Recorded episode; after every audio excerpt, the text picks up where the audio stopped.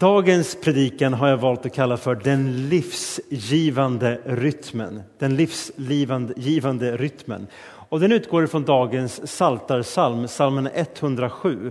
Och I många gudstjänster så brukar vi växelläsa en sådan text och ni har den på baksidan av bladet, men inte hela för att salmen i sin helhet är en av de längre, den är faktiskt 43 verser lång. Men jag vill få visa för er ett sätt att tänka som har funnits hos ja, men, judarna och kristna kan man säga, sedan den här salmens tid, 3000 år. Och hela fasteperioden som började på askonsdagen i år den 22 februari och håller på fram till och med påskdagen, det är totalt sex veckor, handlar om att på olika sätt tala om livets svårigheter, mörker, motstånd och elände och visa hur Jesus Kristus segrar över alla dem. För påsken brukar kallas som det tillfället som Jesus besegrar döden, han uppstår ifrån, ifrån döden. Men för att, så att säga, förstå mer och mer vem han är så har kyrkan i sin tradition sex veckor varje år där man så att säga, djupdyker i olika typer av problem som vi människor möter. Och syftet är inte att bli nedslagen, syftet är att bli upplyft. För Bibeln säger också att sanningen gör oss fria. Och det är inte många platser som människor känner att jag kan våga så att säga, ge utrymme för det svåra. Därför, vad ska jag göra sen? Det blir lite som Pandoras ask. Om jag öppnar upp och låter mörker komma fram ur mig eller vågar se saker som finns runt omkring mig, vad händer då? Rädslan för vad det ska bli blir så stor. Men det finns ingen Pandoras ask. Mörkret finns omkring oss, men Gud i sin godhet han samlade ihop den och så att säga inte trycker undan den, men tar udden av den. Bibeln säger att Jesus Kristus död har brutit av udden av döden. Dödens udd är bruten. Och det är en ganska bra bild, därför döden gör fortfarande ont. Men den blir inte lika så att säga, fruktansvärd eller hård. Så att säga, Jesus tar udden av det. Och där har man ju bilden att om en pinne flyger emot dig och träffar dig, ja men det gör inte så jättemycket. Men om det är en pil längst fram, då kan det till och med komma in och göra stor skada. Men det Gud gör är att han bryter udden av mörkrets makt. Vare sig källan för den är aktuellt, att djävulen agerar, vilket var förra veckans tema, eller om det är att vi själva skapar våra egna problem. Eller om det är andra omkring oss som sårar oss eller vi förstör skapelsen. Så Gud tar udden av den. Hur gör han det? Genom att han säger, jag har besegrat döden. Jag förlåter allt. All den smärta du inte orkar bära, jag bär dig. Du är inte ensam. Så det finns ett hoppfullt budskap i oavsett omständighet. Så det, låt oss ge oss i kast med den livsgivande rytmen från Psaltaren 107. Som inledning har jag skrivit Tacka Herren, ty han är god. Evigt varar hans nåd. För så börjar den här salmen. Och det kan man säga själva grundbudskapet. Så om du får den här så att säga, grundstenen på plats i ditt liv så förändrar du i princip perspektivet på allting du kommer att möta. Förra veckan så dog min morfar, 98 år gammal. Han har betytt jättemycket för mig och i fredags så hade vi begravningsgudstjänst för honom som jag höll i uppe i Borlänge. Den dagen, förra onsdagen när han dog, då så hade min mamma suttit vid hans sida och hållit hans hand. Och han dog under det att hon sjöng för honom en sång som har varit så att säga, hennes familj, när hon var dotter, hennes familjs sång som hon har sen fört vidare också in i vår familj, nästa generation. En ganska barnslig sång, men innan hade hon sjungit psalmer och så kom hon till den här och texten går Jesus älskar alla barnen, alla barnen på vår jord. Och under tiden som hon sjöng den, då tog han sitt sista andetag, släppte taget. Den sången som hade burit honom och familjen och sedan på kvällen så kom jag och vi firade nattvard runt hans, vad ska man säga, hans, hans kropp får man väl säga. där han låg, eh, fint påklädd av hemsjukvården som hade tagit hand och ställt i ordning. Och jag och några till släktingar satt kring hans bår och sen så firade vi nattvard. Och då blir det så uppenbart att vi firade nattvard därför vi behöver det, men han behöver inte längre fira nattvard. Därför Bibeln säger nattvarden firar vi i väntan på Jesu återkomst eller till dess vi kommer till himlen. Och han var ju så att säga på sin sida evigheten. Och ni ser det, den här altarringen är ju ingen ring, det är ju bara en halv ring. Och det bygger på att man menar att det bibliska språket, eller det kyrkans språk, det är att den andra sidan av ringen är i himlen. Det är därför vi kallas för altarring eller altarrund. Den är inte rund heller. Jo, den är rund. Därför vi är eviga skapelser, skapade av Gud. Vi är bortom tid och rum. Och du sitter på något vis i en sorts evighetstidskapsel just nu och tittar på ett mirakel framför dig. Att livet pågår här och nu, men det pågår också på andra sidan här och nu. Och i slutet av den nattvardsgudstjänsten vi hade kring, kring honom så avslutade vi med den sången som han och hans hustru, alltså min mormor Gertrud, sjöng varje dag, i alla fall i deras vuxna liv, vid sin morgonbön de hade tillsammans. Då avslutade de varje dag morgonbönen med att sjunga Detta är dagen som Herren har gjort. Detta är dagen, detta är dagen som Herren gjort, ja, som Herren gjort. Låt oss i glädje, låt oss i glädje nu tacka Gud. Och den sjöng vi som avslutning. Om du får rätt på att i allt ära och tacka Gud, kanske inte för vad som händer, utan för att han har makten igenom det som händer, då ändras i princip allt. Egentligen kan man säga att det är där som själva frälsningen ligger. Att jag går ifrån att ha mig själv som konung till att jag säger Kristus, du är min kung. Därför tackar jag och ärar dig för allt, även när jag inte förstår. Och kanske var det därför Paulus sa, han som alltid bar en smärta i sin kropp. Och han hade sagt till Gud, ta bort det här mörkret, ta bort den här svårigheten som jag bär inom mig. Vi vet inte riktigt om han bar så att säga, ett själsligt sår eller en fysiskt handikapp. Men mycket talar för att han hade någon typ av fysiskt handikapp. Och han hade sett många människor blivit helad och bett för människor som till och med hade varit döda och fått liv. Han hade sagt till Jesus, snälla hela mig från denna sjukdom. Och då sa Jesus till honom vid ett tillfälle i bön. Paulus, och han citerar det här i sitt brev i Andra Korinthierbrevet 12, vers 9. Min nåd är allt du behöver.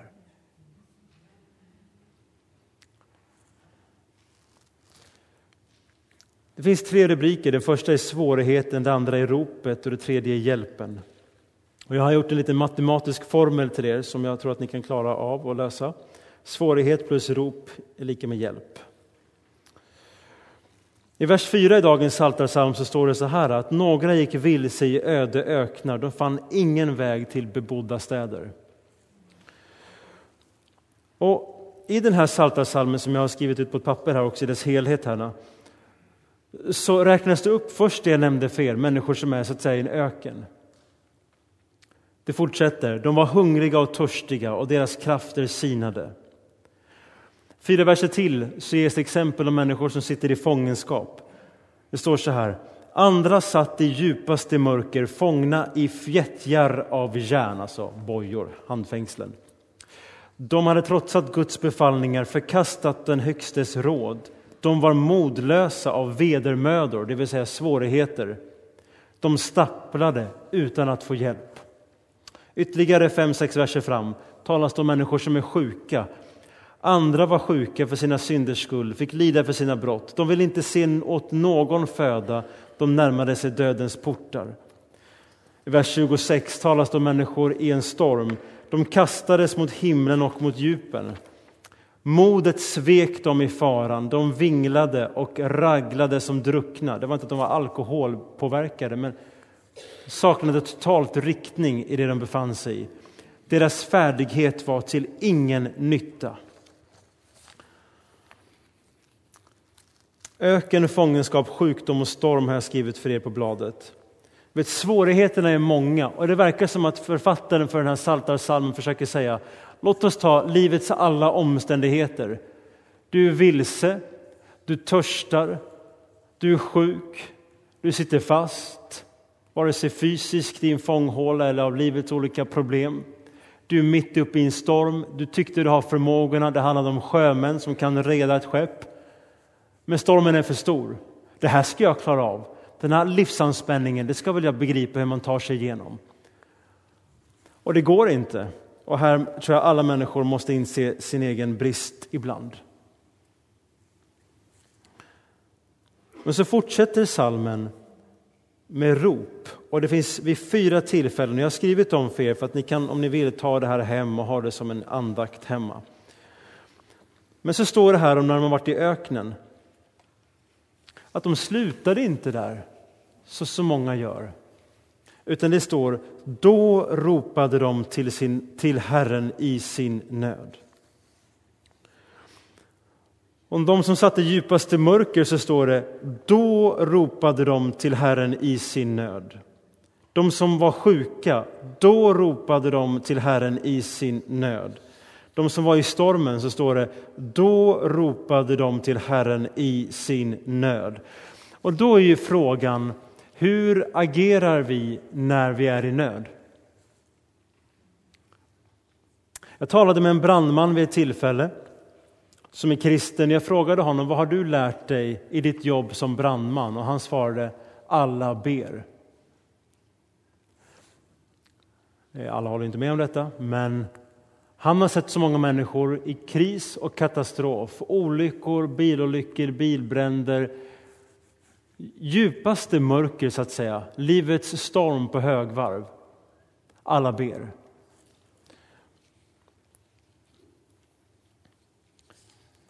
Att vara ställd inför hinder, det är inget tecken på om Gud är med dig eller inte, eller din tro. Det tillhör livets vägar.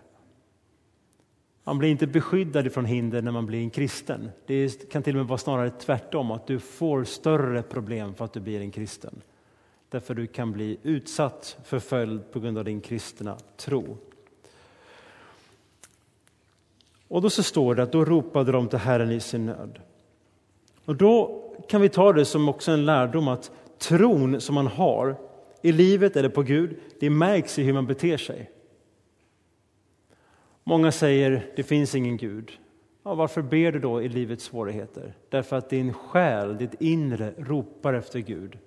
Det är som nedlagt i dig. Var kommer det ifrån? Rådjuren ropar inte efter Gud, guldfiskarna ropar inte efter Gud.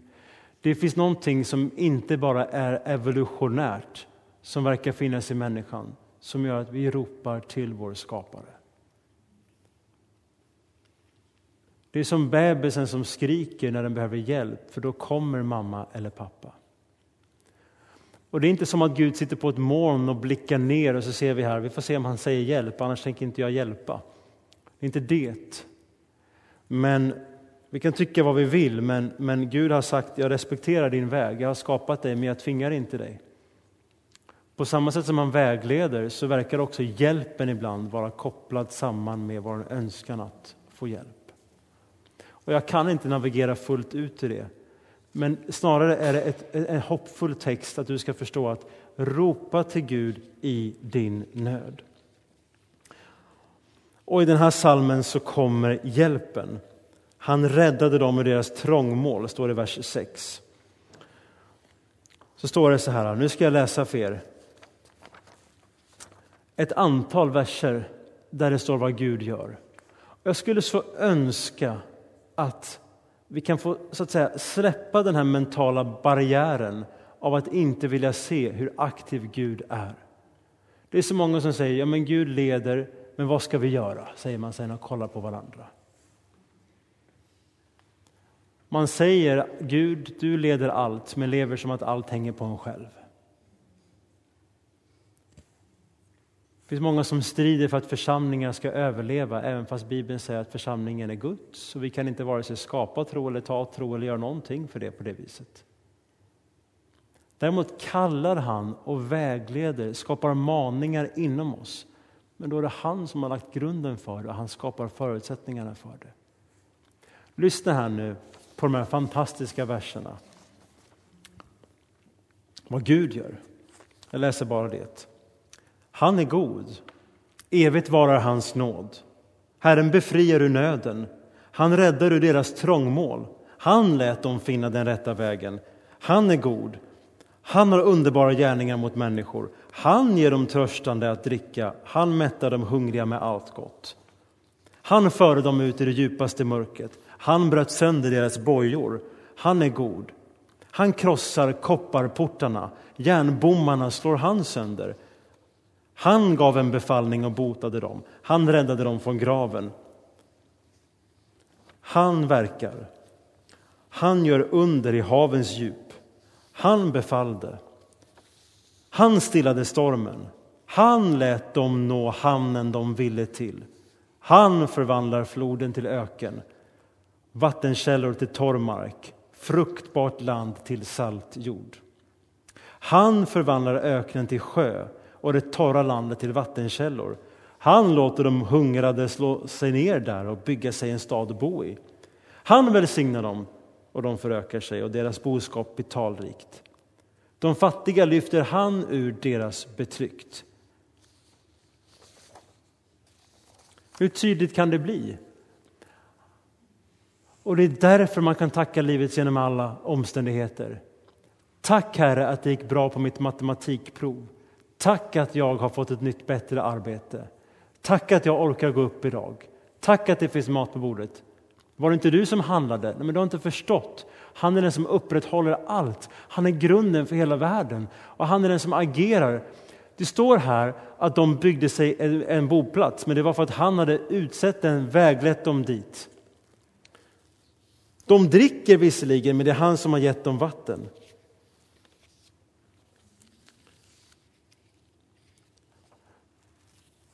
Det står också en annan bibelvers här i samma sammanhang, jag minns inte exakt nu var, men jag har det på lappen framför er. Att han har hämtat dem från öst och väst och nord.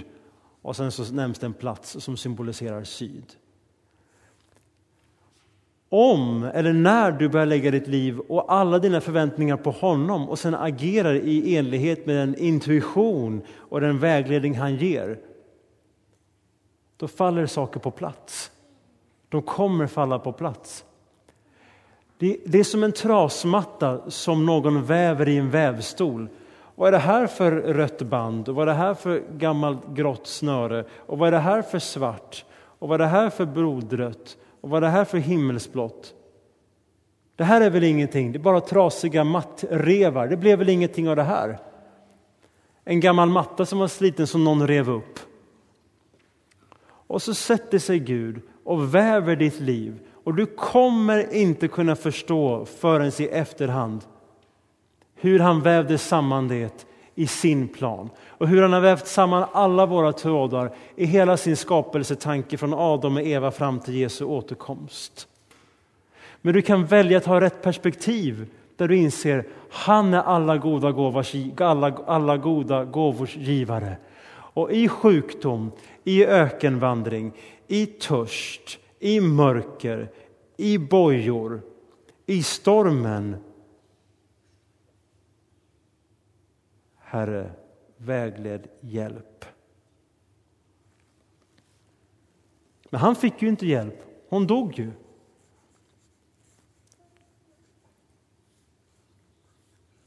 Det är vårt perspektiv. Men Herren, han är god och han har sin väg. Vi jämför inte som andra människor. Titta, det går bättre för honom, det går bättre för henne. Hur vet du det?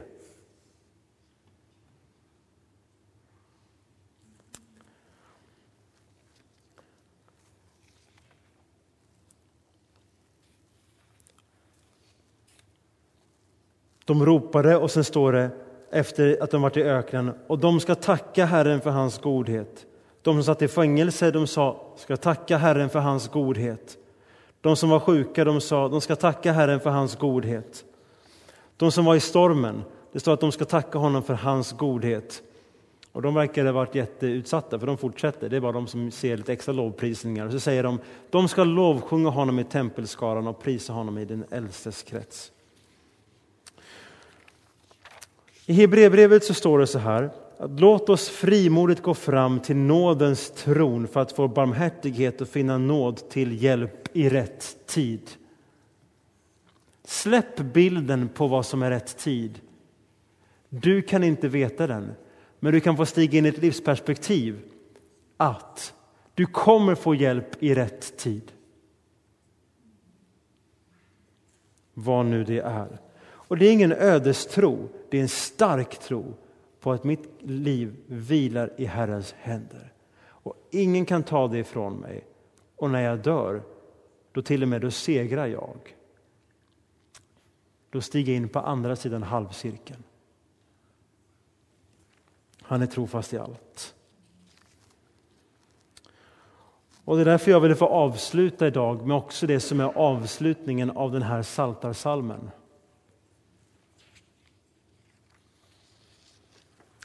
Den som är vis ska ge akt på detta och besinna Herrens godhet. Låt oss så få be tillsammans. Gud, jag behöver dig i livets svårigheter. Vänd min blick till dig när jag går vilse. Låt mig minnas din godhet. Tack för din hjälp och din nåd. Tack för din godhet mot mig.